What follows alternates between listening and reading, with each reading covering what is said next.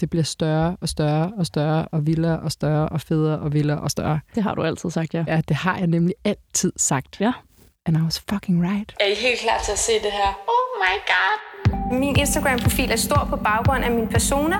Velkommen til min første vlog i 2022. Tusind tak for 250.000 abonnenter. Det er vi sindssygt, det er vi. På sociale medier er influencers blevet et stort fænomen. Så jeg har 55.000 følgere på Snapchat. Tak fordi I så med på den her video. Husk at give den en thumbs up, hvis I godt kan lide den, og subscribe, hvis I gerne vil se mere. Hej! Hej bloggen, og husk at abonnere og kommentere af fraser, som I sikkert har hørt ja, bloggere, YouTubere eller andre såkaldte influencers bruge. Jeg er faktisk en af dem, og jeg skal snakke med nogle af dem. Måske i en bredere forstand, end man lige regner med.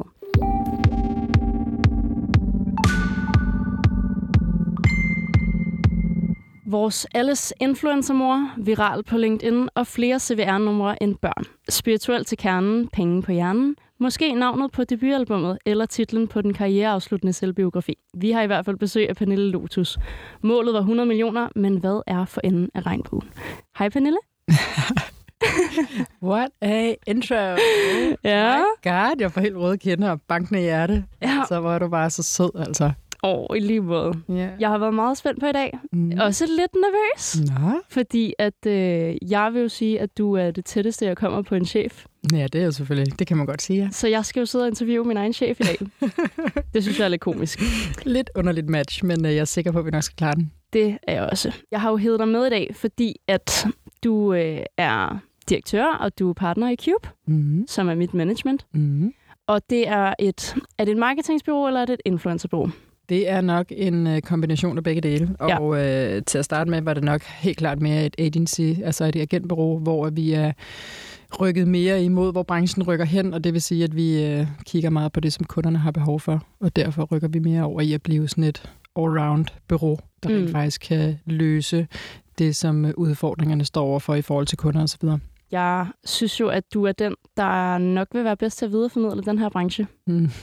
Så det er jo derfor, at jeg gerne vil snakke med dig i dag. Ja, Men det første, som du skal igennem, det er sådan en runde af nogle CV-spørgsmål, ja. hvor at øh, lytterne lige kan lære dig lidt bedre at kende. og øh, det, er ret, det er nogle ret hurtige spørgsmål. Okay, bring it on. Hvor gammel er du? 39 og fylder 40 om to måneder. Tillykke. Tak. Er du influencer?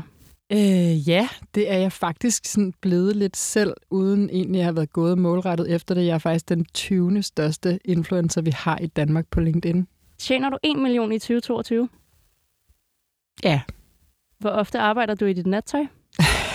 En, en dag om måneden. Er det sket, hvis det ikke er på Instagram? Nej, Hvornår slettede du sidst et opslag? det gjorde jeg måske for ni måneder siden, da jeg gik for min ekskæreste. Følger du mig? Det gør jeg. Følger jeg dig? Det tror jeg. Fedt, Astrid, mand. Vi skal øh, først af alt lige have fundet ud af, hvem du egentlig er, Pernille. Ja. Så vi skal snakke lidt personligt. Mm. Jeg vil gerne vide, hvem du var i din folkeskoleklasse. Jeg var hende, som øh, spillede op til drengene, øh, og jeg slog så også gerne med dem, fordi at jeg øh, nok var ude i en magtkamp i forhold til at øh, vil vise alle, at jeg godt kunne overleve. Altså spillet op til dem sådan, ja, du vil gerne slås eller hvad? Ja, yeah. altså det er jo nok sådan lidt had-kærlighed der. Ja. Det kommer også lidt an på, hvornår i folkeskolen vi taler, men øh, sådan i de der 4., 5., 6. klasse, der, øh, der var jeg noget af en bisse, altså. Jeg vil sige, jeg var ikke sådan, det er ikke fordi, jeg bullede de andre, men jeg tror bare, at jeg, jeg har virkelig altid været en overlever, fordi jeg har kommet fra nogle lidt trænge kår i min barndom, uden egentlig at have mine forældre. Øhm, ja, så, så jeg, jeg, jeg vil helt klart vise, at øh, mig skulle de fandme ikke tryne. Og du er jo vokset op i Greve. Det er jeg. Ligesom mig. 26-70 greve. Ja, præcis. Hvilket område af Greve er du vokset op i egentlig? Jamen, øh, jeg er vokset op i, øh, da min mor og far blev skilt, da jeg var tre, der flyttede vi til Bøgehegnet. Okay. Det er jo sådan lige bag ved Greve Gymnasium. Ja. Og så boede vi i Hundi med min lillebrors far, og så flyttede vi fra Hundi tilbage til Enghusene, som ligger endnu tættere på Greve Gymnasium, Ja. hvor jeg også har gået i gymnasiet efter folkeskolen. Okay. Det var, jeg var sådan lidt nysgerrig på at høre det, fordi jeg jo kender Greve. Jamen, hvor er du fra i Greve? Jeg er, øh, jeg er vokset op ved, øh, lige ved Moset Fort. Ja, okay, der har jeg arbejdet. Ej, hvor sjovt. Altså Mm. på Moset Fort. Ja, altså nede på restaurant. På restaurant. Ja, præcis. Nede hos Janni. Ja, ej, Ja. ja. hvor grineren. Jeg kan huske, de havde, øh, på et tidspunkt havde de i hvert fald sådan noget, var det hver tirsdag, tror jeg, de havde stegt sådan ad libitum. Ja. Det var min Og familie verdens glad for. bedste kartoffelporsuppe. Ja, det var rigtig godt. Det var rigtig godt. Især for Greve. Ja, præcis. Hvordan har du det med, øh, med sociale medier i dit eget privatliv? Jeg har det rigtig fint med det. Jeg tror, at jeg måske ligesom så mange andre også... Altså sådan... En gang imellem har jeg virkelig lyst til at lukke ned for det. Og det er fordi, at jeg et eller andet sted føler, at der altid er sindssygt meget at skulle leve op til. Øhm, en gang imellem, hvis det er, at man, øh, man ikke lige synes, man er i sit eget S i perioder, så kan jeg godt sådan, åh, oh, gider fucking ikke kigge på Instagram, fordi så ved man bare, at der er nogen, der sidder på Maldiverne, eller nogen andre, der sidder og holder hånden, eller nogen, der har en stor familie, og altid laver alt muligt sammen. Og jeg er jo altså alene mor til to, og må klare det hele selv for tiden. Ikke? Så det er jo sådan et had-kærlighedsforhold, som jeg tænker, at rigtig mange mennesker har. Det øh, tror jeg, du har meget ret i. Mm. Jeg har det i hvert fald også selv på samme Mm. måde. Jeg er også meget træt af at se andre være på ferie, når jeg ikke selv er. Præcis. Øj. Hvad med din omgangskreds?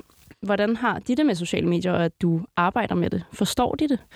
Altså, de sidste mænd, jeg har været sammen med, har fået børn med, de har ikke, øh, de har respekteret det, men de har ikke forstået det. Og de er ikke selv sådan på sociale medier på samme måde, og har aldrig nogensinde ønsket egentlig at blive vist, eller at jeg skulle filme eller lægge for meget ud. Min omgangskreds i forhold til, øh, til venner og veninder, altså, øh, jeg har jo, en af mine bedste veninder er jo Sasseline, Ah, selvfølgelig. som jo er blevet slettet fra Instagram. Ja, cancel culture.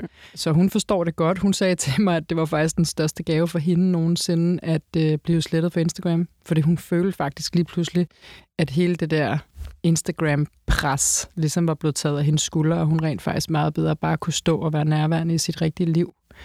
Og, øh, og det er måske sådan lige to the edge i forhold til det her med, hvordan man reelt set har det med social media.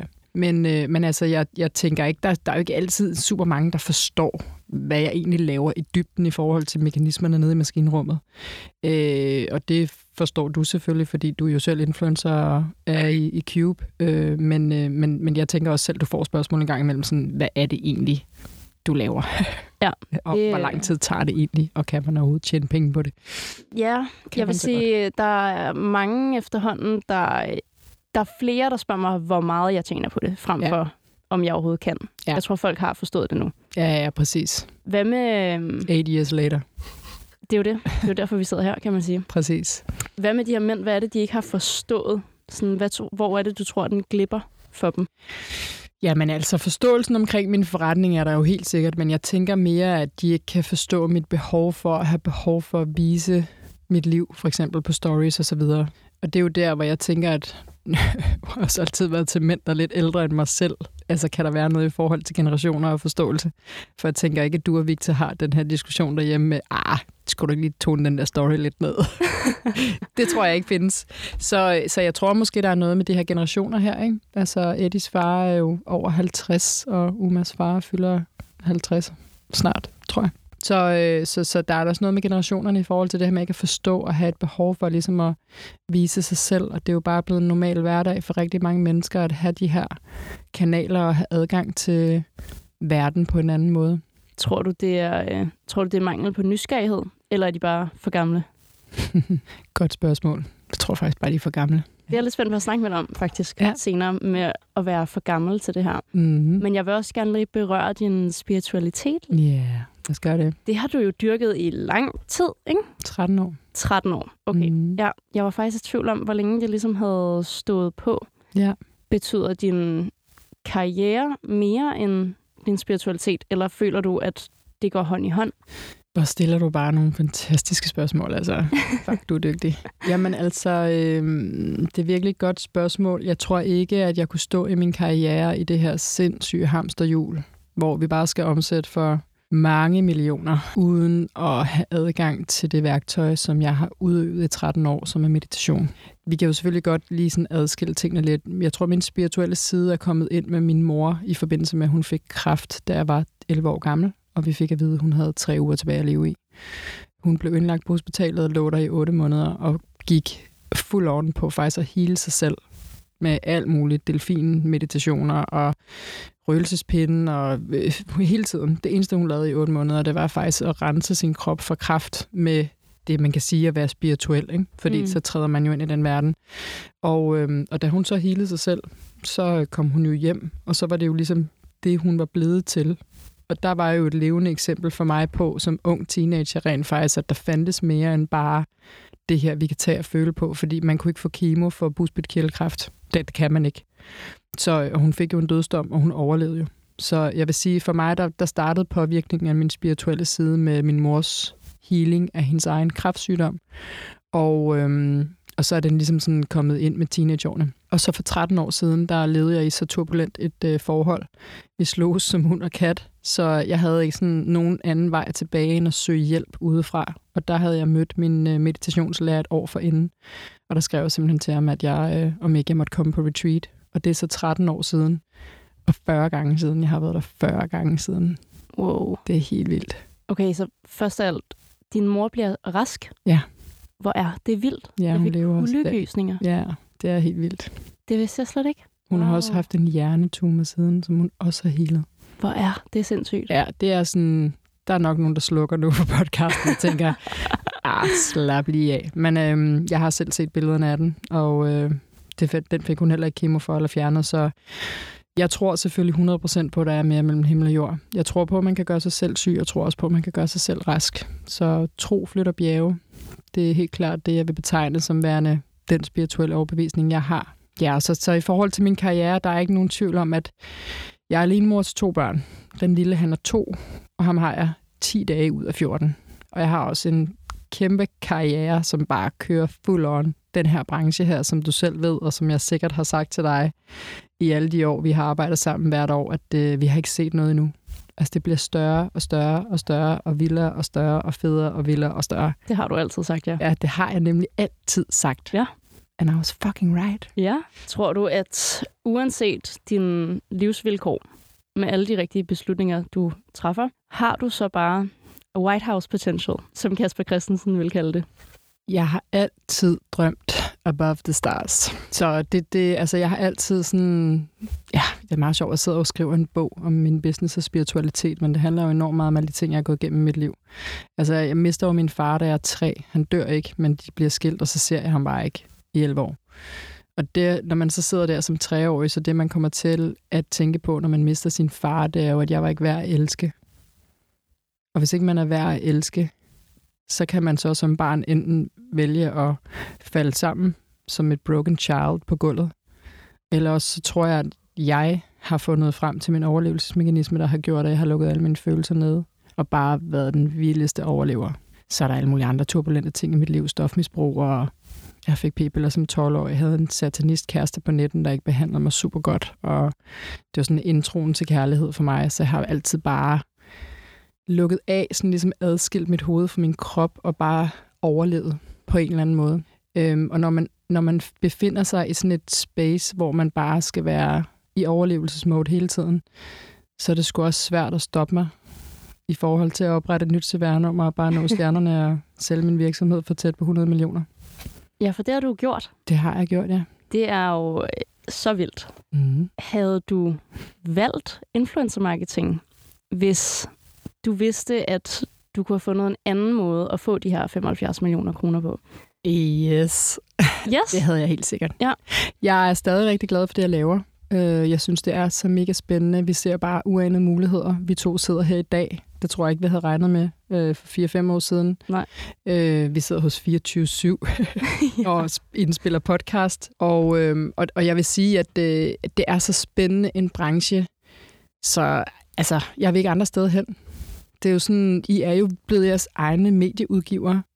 Og det er sådan lidt virksomhederne begynder endelig at fucking fatte det i forhold til det her med at sige, okay, skal jeg købe en reklame på TV2, eller skulle jeg måske egentlig finde to-tre mikro, makro, mega influencers, som bare har et really brand match, og rent faktisk lave mine kampagner med dem, bruge dem som modeller, bruge dem som face-off, bruge dem som ambassadører i forhold til det, som de gerne vil komme til udtryk med og få promoveret deres produkter.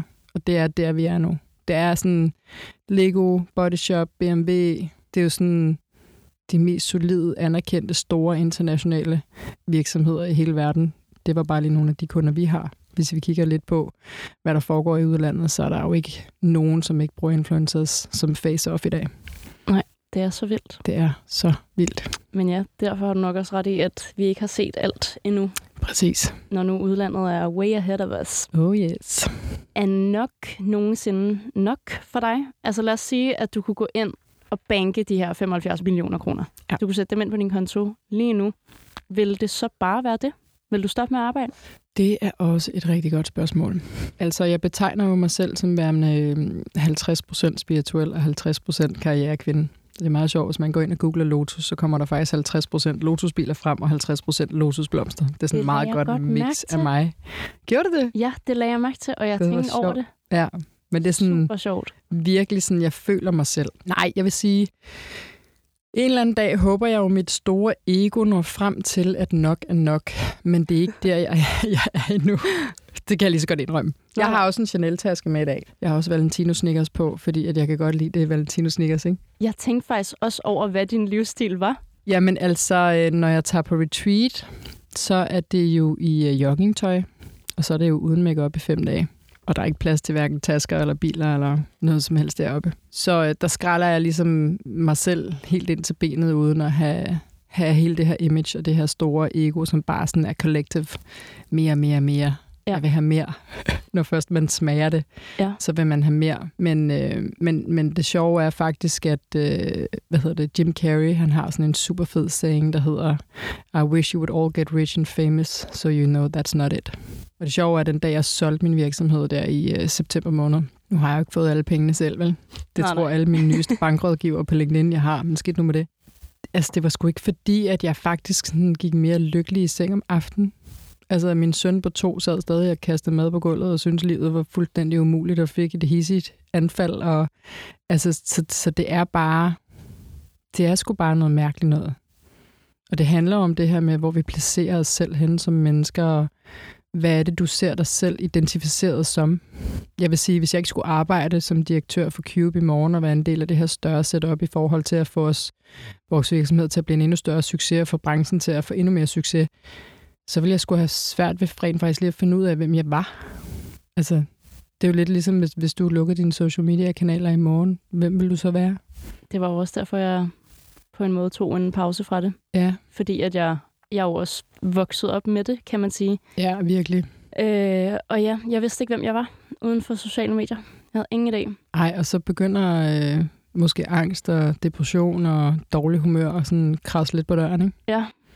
Men du ville måske bare være på øh, retreat hele ugen. Altså, jeg kan sådan set sige, at jeg næsten har været på retreat hver anden uge siden 1. januar i år. det er vildt nok. Ja, det er vildt nok, og jeg vil også sige, jeg tror egentlig selv, jeg havde undervurderet, hvad det rent faktisk gør at sætte sig ned og lukke øjnene så meget. Fordi jeg har sådan virkelig kommet nogle steder hen i min meditation, hvor jeg sådan tænker, wow, okay, er det her virkelig livet?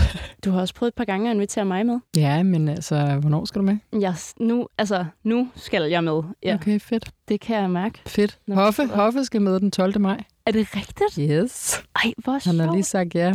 Nå, Han har jo så, været clean i to år, ikke? Ja, det er rigtigt jo. Så han har virkelig gået all in på at arbejde med sig selv og lægge sin livsstil om. Men så kan det være, at vi skal lave sådan en uh, gruppe. Jeg kan lave en influencer trip til Sweden. vi skal have snakket lidt om uh, din opstart og Cube. Mm. Og uh, for mig at læse mig frem til, Mm. så uh, starter du nærmest som kørende sælger i overført betydning. Mm. For du starter wellnessdeal.dk. Ja, det er rigtigt. Er det rigtigt forstået? Fuldstændig rigtigt.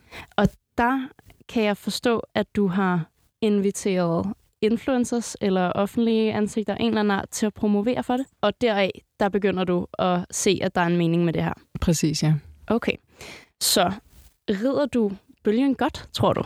Ja, altså, det er ikke noget, jeg tror. Jeg tror, det er noget, jeg kan sige, jeg ved. Jeg ja. har altid sådan været super agil, og jeg har været meget fremtidssynet i forhold til sådan at prøve at finde ud af, hvor jeg kunne, øh, kunne se en mulighed for at udvikle en, øh, en super succesfuld forretningsidé.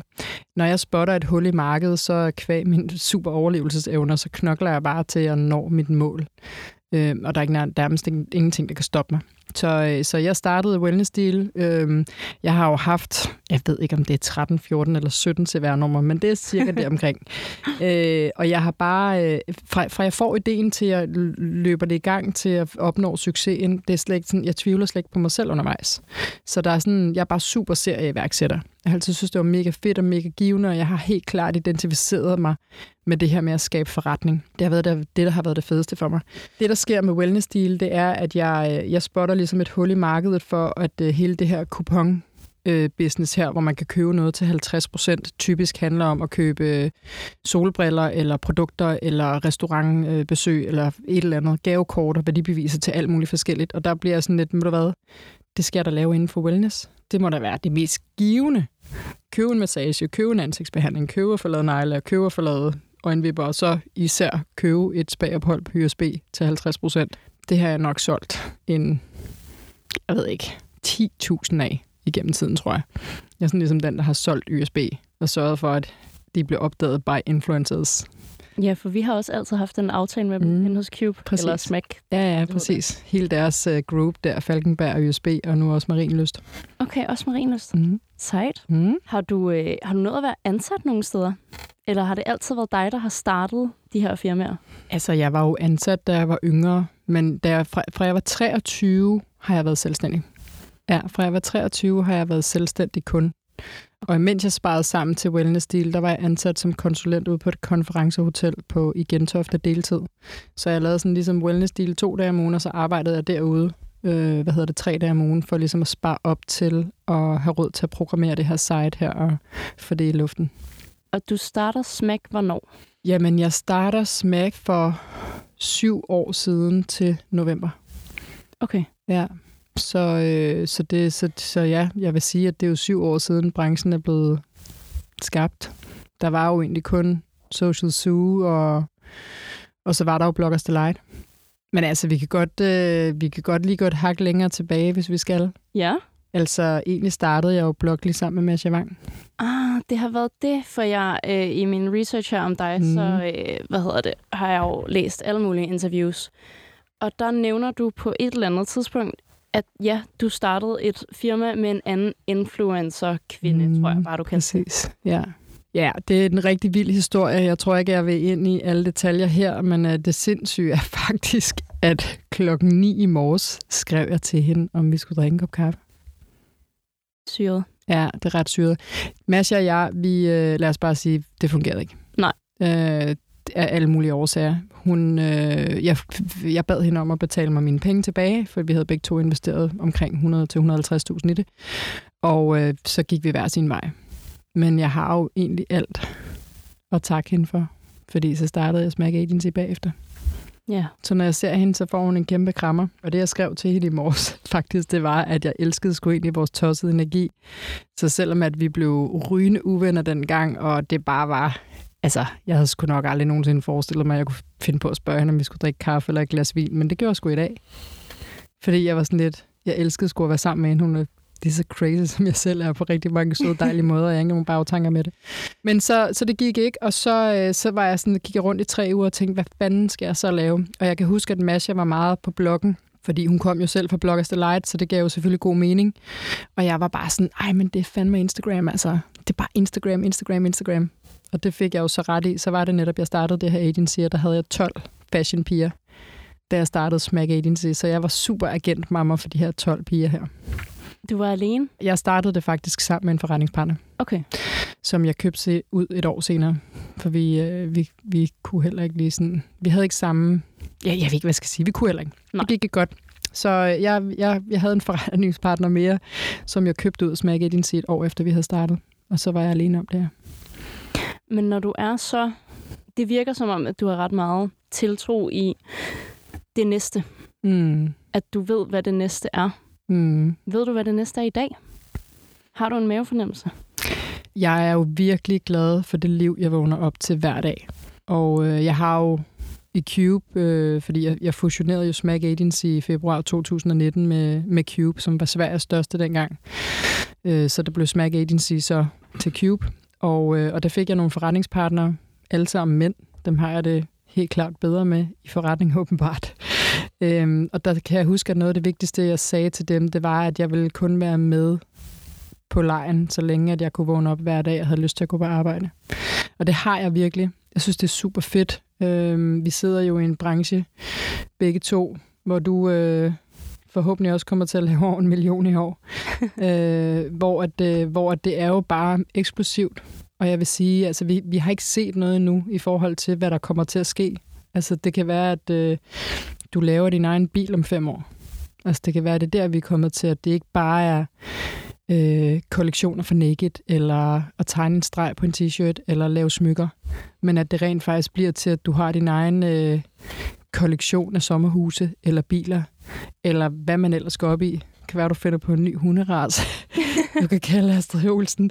Så, øh, så, så, øh, så, det, så det næste bliver for mig måske at blive siddende i den her branche her, og så være med til at være ud, altså udviklende. Jeg er sådan meget inde i øh, NFT'er til influencers, hvis det siger der noget.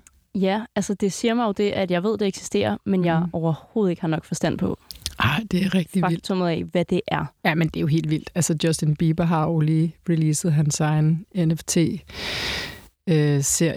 altså, det er jo for sindssygt. Jamen altså, for hvad du skal, du skal, du skal læse lidt om. Ja, det, det skal jeg rigtig meget.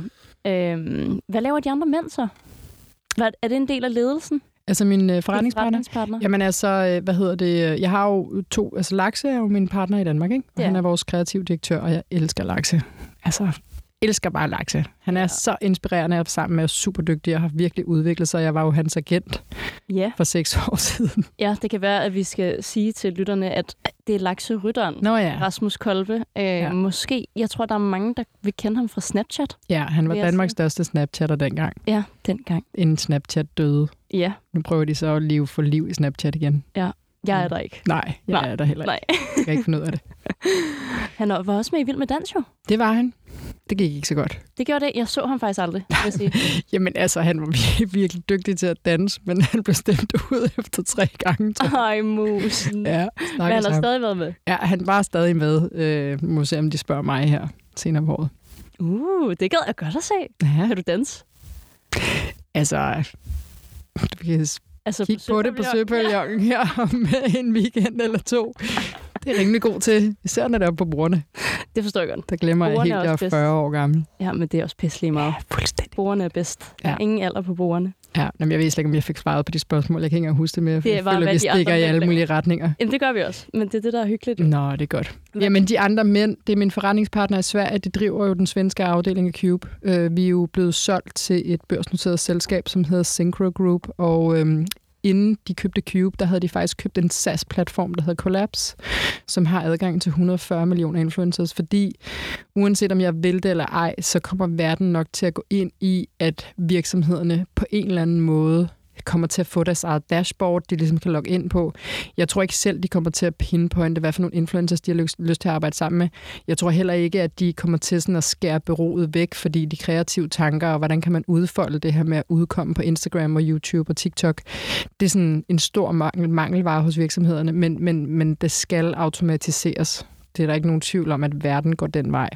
Så, så Cube og Collapse er i gang med at få lavet sådan en form for sammensmeltning i forhold til, at vi kan få automatiseret nogle processer, og vi kan reelt set begynde at kigge på, hvad konverteringerne er, når man laver en kampagne, hvis det er det, en kunde for eksempel går op i, hvor mange Coca-Cola har jeg solgt, eller hvor mange havemøbler har jeg solgt osv., ikke? fordi at det er jo det, virksomhederne sidder og også gerne vil kigge lidt på, når de arbejder med influencers. Alt det, der egentlig er lidt spændende. Ja, mega spændende. Hvad med alle kvinderne? Fordi mm. når Mhm. jeg besøger jer Mm. inde på kontoret, Der er mange kvinder. Der er jo kun kvinder. Udover Lakse Udover lakse, og studentermedhjælperen Lasse. Jamen, det er lang tid siden, jeg har set Lasse derinde. Jamen Lasse, han er så dejlig altså. Han er fucking skøn. Han er så dejlig. Han er, Han er så sød. især god til at lave reels. Er det rigtigt? Det har, Så jeg taler. Lasse i søvn. Har du hørt det? det har jeg godt set, faktisk. F, hvor er det sjovt, når han uploader det på hans Instagram. Det er Han så taler grineren. så vildt i søvn. Og siger de mærkeligste ting. Men jeg har ikke, nej, jeg har ikke set hans reels. Nej, okay. Men er det meningen, at der kun sidder kvinder? Er det sådan, øh, har det været bevidst? Nej, det har ikke været bevidst overhovedet. Øhm, det er meget sjovt nu her den 3. maj, skal jeg jo stå på scenen sammen med en hel masse andre store CEOs og Christian Stadil og tale om, hvad bæredygtig ledelse er. Jeg tror, at øh, grunden til, at der sidder øh, 12 ud af 14 øh, som er kvinder inde på, på Københavnerkontoret, det har nok noget at gøre med den måde, som jeg er menneske på. Altså, jeg er sådan en lead by example. Altså i coronatiden, der er sådan lidt, de skal fandme ikke få os ned med nakken, så hjælper jeg bare med at gå ud og være kørende sælger, som du startede med at sige, eller betegne mig som. Fordi jeg altid bare selv går i front. Der er ikke sådan noget, jeg tænker ikke, at jeg bliver offeragtig og så videre. På den måde tror jeg bare, at jeg sådan, der er højt til loftet hos os. Man kan være super ærlig. Man skal også bare være i stand til at sige undskyld. Og det er måske en feminin energi, der egentlig er inde i Cube. Så det er ikke fordi, at jeg sådan bevidst ikke vil have flere mænd ind, for det vil jeg faktisk gerne, for måske at skabe noget mere balance og en bedre dynamik, for det kan jo godt blive øh, en hønsegård en gang imellem, hvis man er rigtig mange kvinder derinde. Men vi trives faktisk rigtig fint i det. Og så for eksempel, hvis man kigger på nogle af konkurrenterne, så er det jo mænd, der sidder i spidsen for dem. Men det er faktisk flest kvinder i den her branche her. Det føler jeg nemlig også. Ja, ligesom programmet, vi laver nu jo der for DR, hvor det er Nina Chini og Christina Barrea og mig. Ja, hvad er det, det hedder, det program? Jeg er ikke sikker på, at jeg må fortælle, hvad det hedder, men Nej. det handler jo om, øh, om forgangskvinder i vores branche. Vi skulle have været fire med, men der var ligesom ikke øh, kød nok på den fjerde, fordi at man jo skulle have seks episoder ud af at følge os kvinder. Så det handler jo simpelthen om at kigge på, hvad det er, at det her arbejde består i, og den her branche reelt set kan levere i forhold til, hvor kæmpestor den er blevet. Fordi der sidder så mange derude nu, også i forhold til din podcast-serie, og tænker sådan, ah, men er det et rigtigt arbejde, hun har hende der sted der? Ja, der er Stadigvæk. mange af dem. Ja, præcis. Jeg vil gerne tilbage til den her snak om, hvad Cube er, om mm. det er et marketingsbureau eller et influencerbureau. Mm. Det er jo på en måde også ligesom et reklamebureau. Det kan man godt sige, ja. Altså, I sælger jo også reklame, reklameplads. Ja, præcis. Men hvad vil du sige, altså sådan, er, er det fyldesgørende at kalde Cube for et marketingbureau? Nej, det vil jeg ikke sige, det er. Jeg vil mere kalde os for et uh, influencer media agency, hvis vi sådan skal over i mediebureauet-agtigt. Uh, øh, fordi at det, det, vi er eksperter i, det er jo influencer marketing. Vi er jo eksperter i at finde ud af, at hvis der kommer en uh, kunde som uh, uh, Lego, for eksempel, så vil de jo gerne finde ud af, hvordan fungerer mekanismerne i forhold til, at man tager Legos produkt og får det foldet ud på en eller anden influencer på en eller anden social media kanal.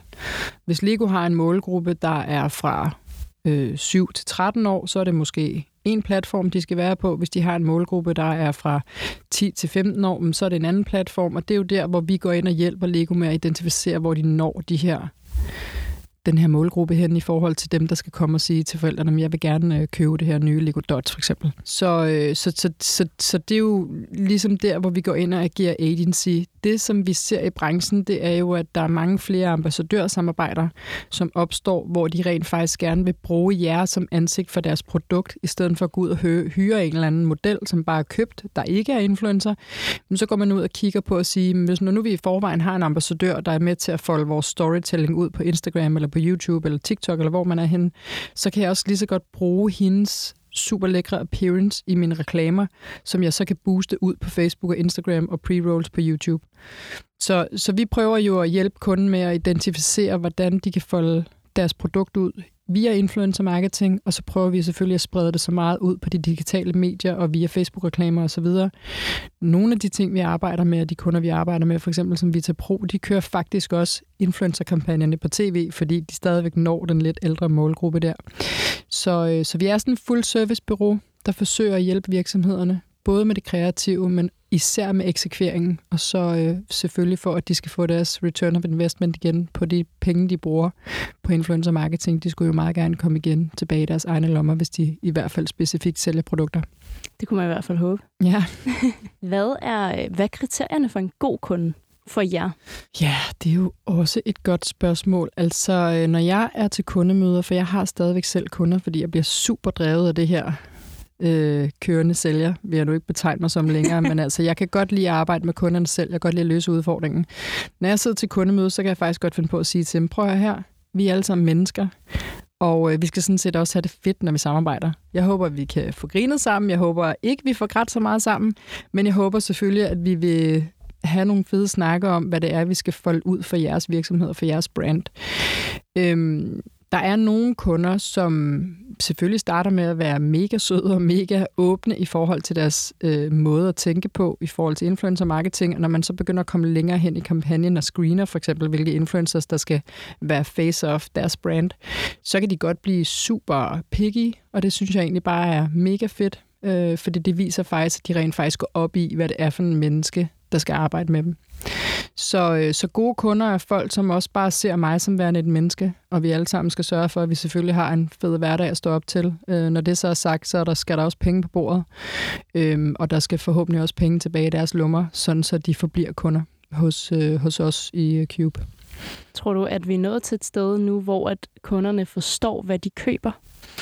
Ja, det tror jeg helt sikkert endelig vi er. Øh, nu er jeg lige blevet booket til at holde oplæg for Denso, som er verdens største mediebureau, øh, den 26. og 28. i København og i Aarhus, hvor de simpelthen har puttet et helt team ind ud af to for at øh, tale om, hvad influencer marketing branchen er nået til, hvad er trends og tendenser.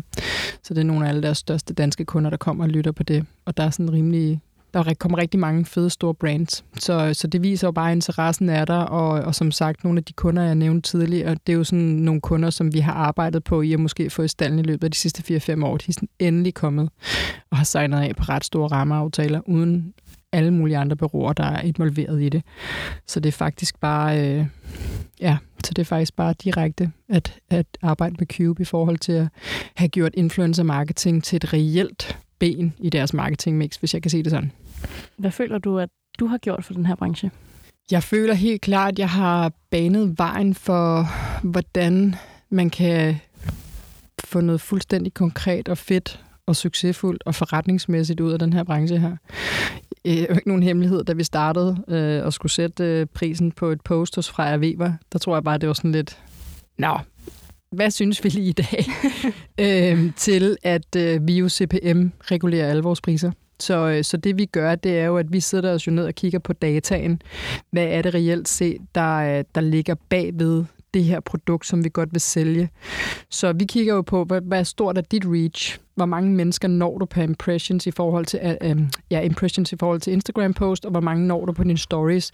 Og så sætter vi 0,1 eller andet kroner øh, på de her views her, eller en krone, eller hvordan vi lige øh, vælger at lave den her udregning her. Og så, øh, så betyder det jo faktisk også, at du som influencer rent faktisk skal gøre dig umage, når du laver dit arbejde, fordi jo mere umage du gør dig, jo flere mennesker når kunden, når de samarbejder med en influencer, og jo flere er bare gladere i sidste ende, fordi jo flere penge tjener du, og jo flere penge kommer der på bordet i forhold til kampagner osv.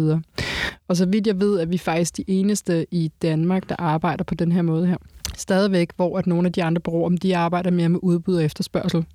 Og jeg har forsøgt egentlig hele tiden at blive ved med at have min integritet i den her branche på den her måde, fordi at jeg gerne vil have, at man skal kan kigge på jer som medier.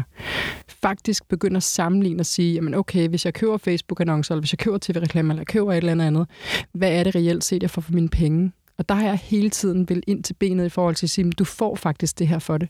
Du når faktisk de her 100.000 mennesker. Du når faktisk de her 35.000 mennesker på en story, hvor du også kan putte swipe up og link ind osv. osv. Så er der en brand value, vi kommer oveni, hvis de godt vil have lov til at bruge dit content i at booste selvfølgelig på markedsføringen, fordi så begynder du lige pludselig at blive rigtig face-off. Så det er jo ikke kun dine egne følgere, der skal se dig samarbejde med det her brand her, men så begynder de faktisk at hive dit content ud, for at du bliver en rigtig reklamesøjle og boostet ud i deres page social kampagne. Så jeg har altid sådan forsøgt egentlig at skabe en stor transparens i branchen, fordi det synes jeg klæder den. Jeg synes ikke, det handler om, at man bare siger, åh, men øh, ah, lad os lige poppe en champagne og sætte et Instagram-post op med 10.000 i dag.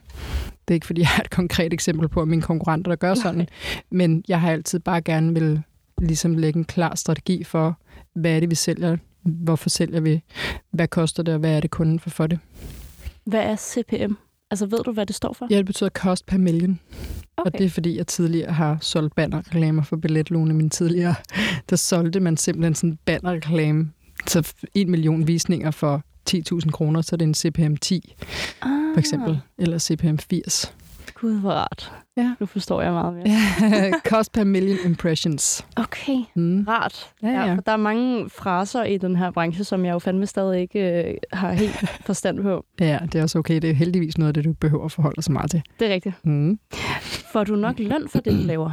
Nu er jeg jo blevet en del af et børsnoteret selskab, så øh, jeg får en markedsreguleret løn i forhold til min direktørstilling.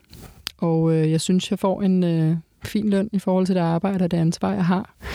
Øhm, jeg er glad, hvor jeg er. Og, øh, og, øh, og faktisk så, øh, så i forhold til det her med den spirituelle del af mig, Altså det her med, at du siger, men, men nok er nok. Jeg har jo selvfølgelig en form for sikkerhed i mit liv, og øh, jeg synes, jeg er super dygtig til det, jeg gør. Jeg synes, jeg bliver belønnet på fin vis. Ja. Jeg er glad. Føler du, at du får for meget? Nej, det gør jeg ikke.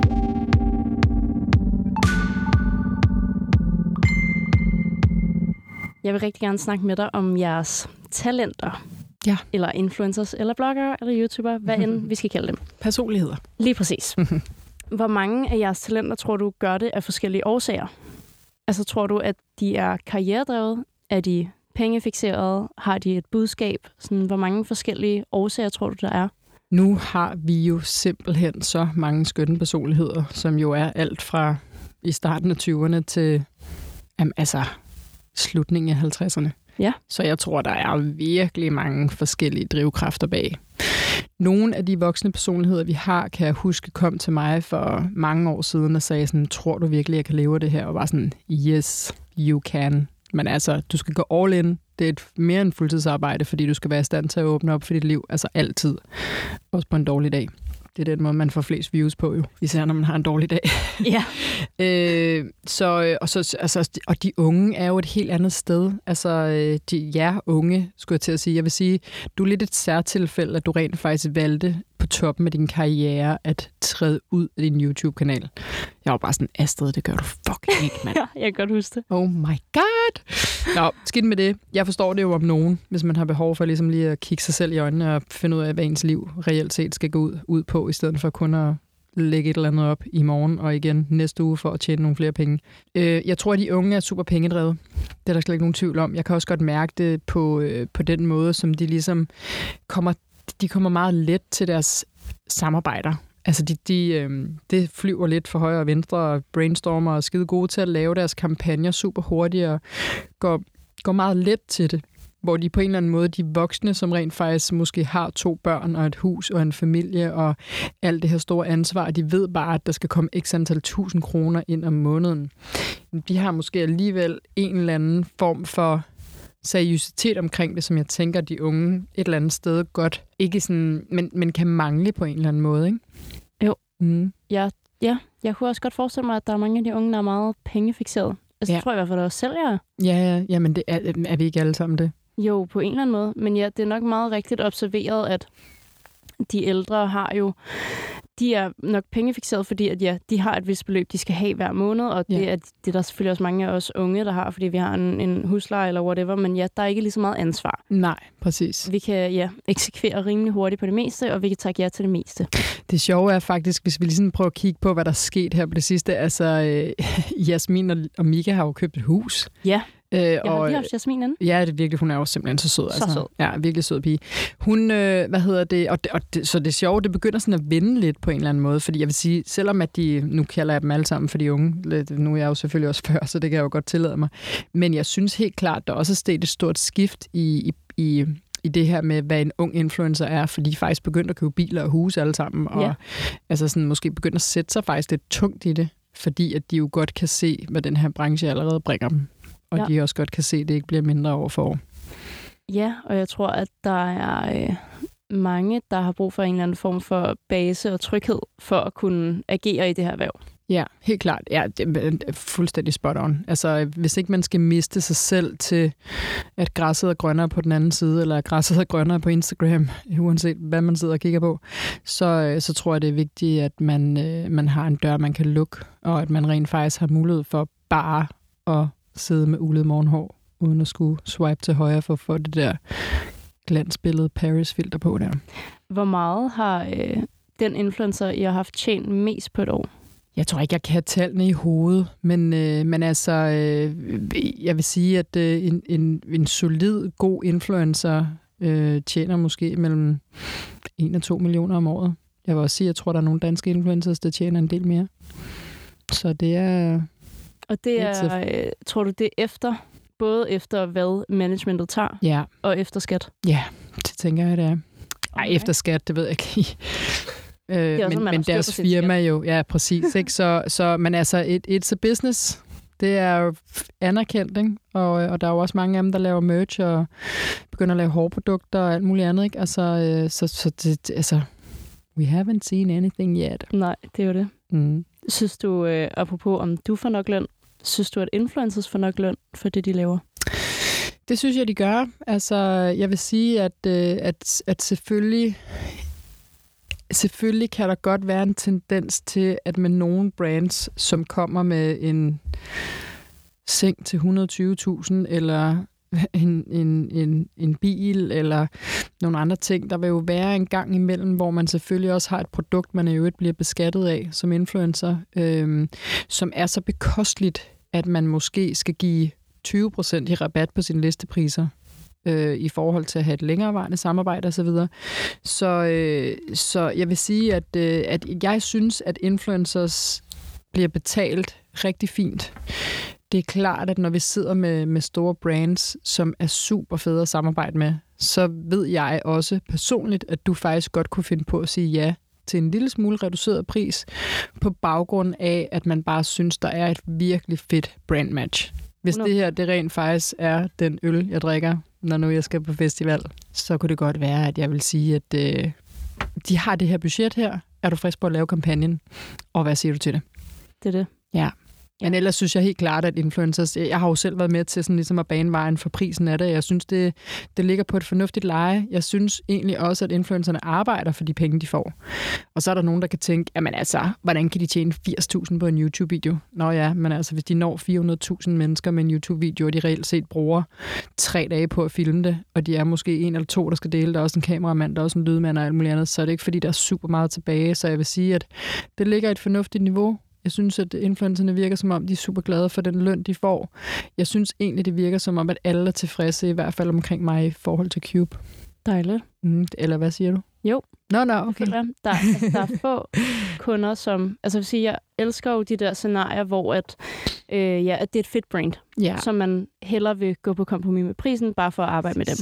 Men der er også klart nogle brands, som er som jeg synes er fede brands, men som betaler alt for fucking lidt. Ja, Øhm, og de har jo pengene typisk. ja, og de har jo oftest pengene. Ja, men, øh, men det handler jo om rent faktisk, at vi alle sammen skal være bedre til at sige nej.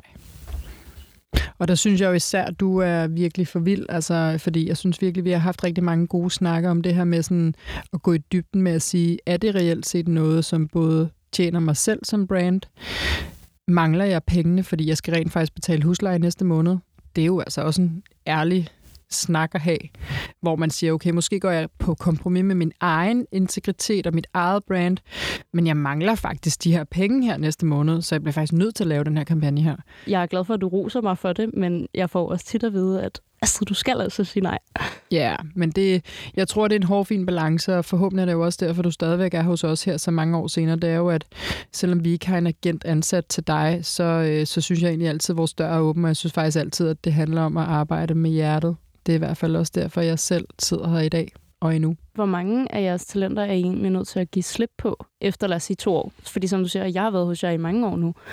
Jeg synes faktisk ikke, at det er fordi, at, at det er sådan super mange, der flygter fra os. Der er jo nogle af vores konkurrenter, Christina Barret, Tine Bisse, som, øh, som jo har det her meget fokuserede agency business, øh, som har de her 14 influencers, og det er jo dem, hun arbejder med. Men hun har også en anden tilgang til det influencer marketing, altså som, som vi laver. Jeg kan jo sparke døren ind til Lego, jeg kan sparke døren ind til Jysk, jeg kan sparke døren ind til Lunar. Og, øh, og det betyder, at jeg lægger en stor strategi for dem, og der arbejder vi jo egentlig reelt set ret forskelligt. Så selvom at jeg både stadig gerne vil tage mig af dig som talent, så ved jeg også, at jeg har en, en leverage i branchen, der gør, at vi rent faktisk også kan gå ud og hente nogle af de helt store kunder hjem. Jeg ved for eksempel, at du lige har fået en rimelig fed kampagne. Det har jeg. Hvem er egentlig bedst at arbejde med? Fordi at vi har jo set mange eksempler på influencers efterhånden. Der er jo kendte, sådan lad os kalde det, som har sociale medier ved siden af, hvad de laver. Det kan være en tv-vært. Så er der bloggeren, den, der mm. lever af sociale medier. Øh, og så er der jo dem, der øh, taler til børnene. Der er også reality-stjernen. Mm. Sådan, hvem, hvem er bedst for jer at arbejde med? Det er mennesket. Altså, jeg, jeg er ikke bare et agency, der er sat i verden for at øh, løbe solen sort for nogen, som ikke værdsætter det. Altså, det, det kan jeg slet ikke, så går jeg imod alt, hvad jeg har i min krop. Men selvfølgelig, kæft, altså Lakse, han har jo været den største diva, dengang jeg var hans agent. Er det rigtigt? My God. Da han skulle arbejde for, med Coca-Cola, hold kæft mand, der var lige før, at jeg måtte aflyse nogle feriedage, jeg havde, fordi han, han gad ikke det der, øh, den der kontrakt, der han har fået. Jeg var sådan lidt, Lakse, det er flere hundredtusind, vi taler om. Du bliver simpelthen nødt til bare at bøje dig i stødet. Det gad han fandme ikke. Så Lakse, han er en kæmpe diva. Er han stadig det? Undskyld, Lakse. Nej, han har vokset meget med, med alderen, skulle jeg til at sige, og de seneste par år. Ja. Så øh, nu er han jo også kreativ direktør i selskabet.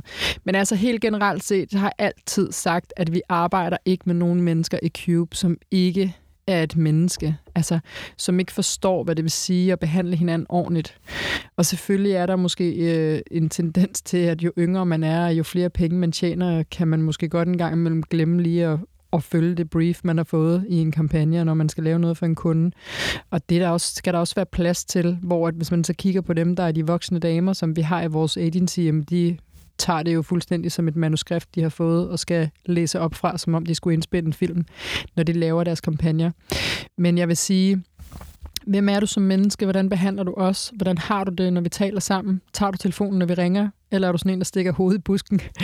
Så, øh, så, hvad hedder det, øh, så, så det er det reelle menneske, det kommer an på, fordi det er jo også din hverdag. Det er jo min hverdag, det er din hverdag. Det er din kærestes hverdag, det er hundens hverdag, det er jo alle, der reelt set er meget mere involveret på et personligt plan i den her branche, end jeg tror, nogen rent faktisk engang imellem tænker over. Altså, vi arbejder jo med mennesker.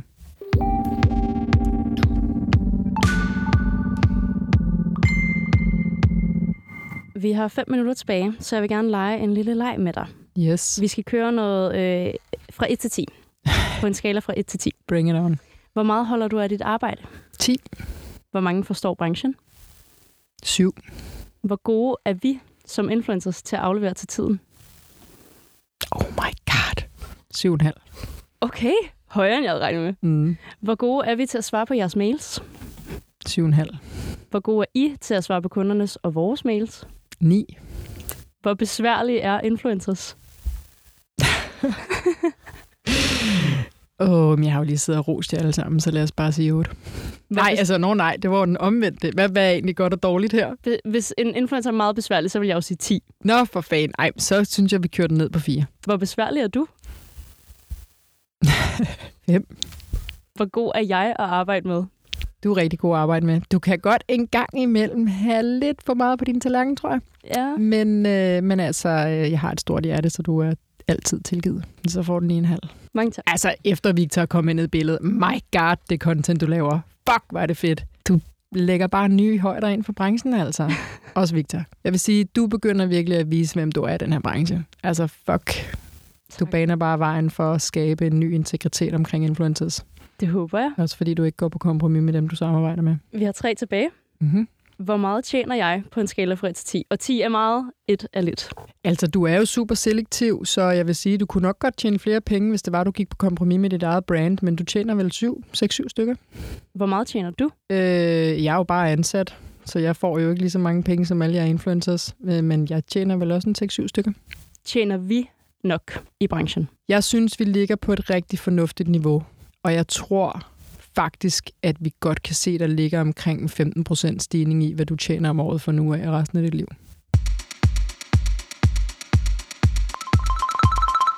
Det var alt, vi nåede i dag. Mm. Pernille Lotus, tusind tak, fordi du havde lyst til at komme på besøg. Ja, selv tak. Tak, fordi du vil have mig i den varme stol. Jeg tror, at øh, du skal tilbage. Der er fandme meget at snakke om. Ja. Der er meget, som jeg øh, stadig har stående her i mine, øh, i mine noter, mm. som jeg gerne vil ind på. Tak til dig, der lyttede med. Husk, at jeg kommer ud med et nyt afsnit hver fredag morgen klokken 7. Og hvis du ikke har fået hørt alle afsnit nu, så synes jeg klart, at du skal hoppe ind og gøre det. Hvis du sidder derude og har et forslag til en, du gerne vil have at invitere i studiet, eller synes, du er influencer nok til at være med, så skriv til mig på Instagram. Jeg hedder Astrid Ærø derpå. Ha' det godt, til vi lyttes ved igen.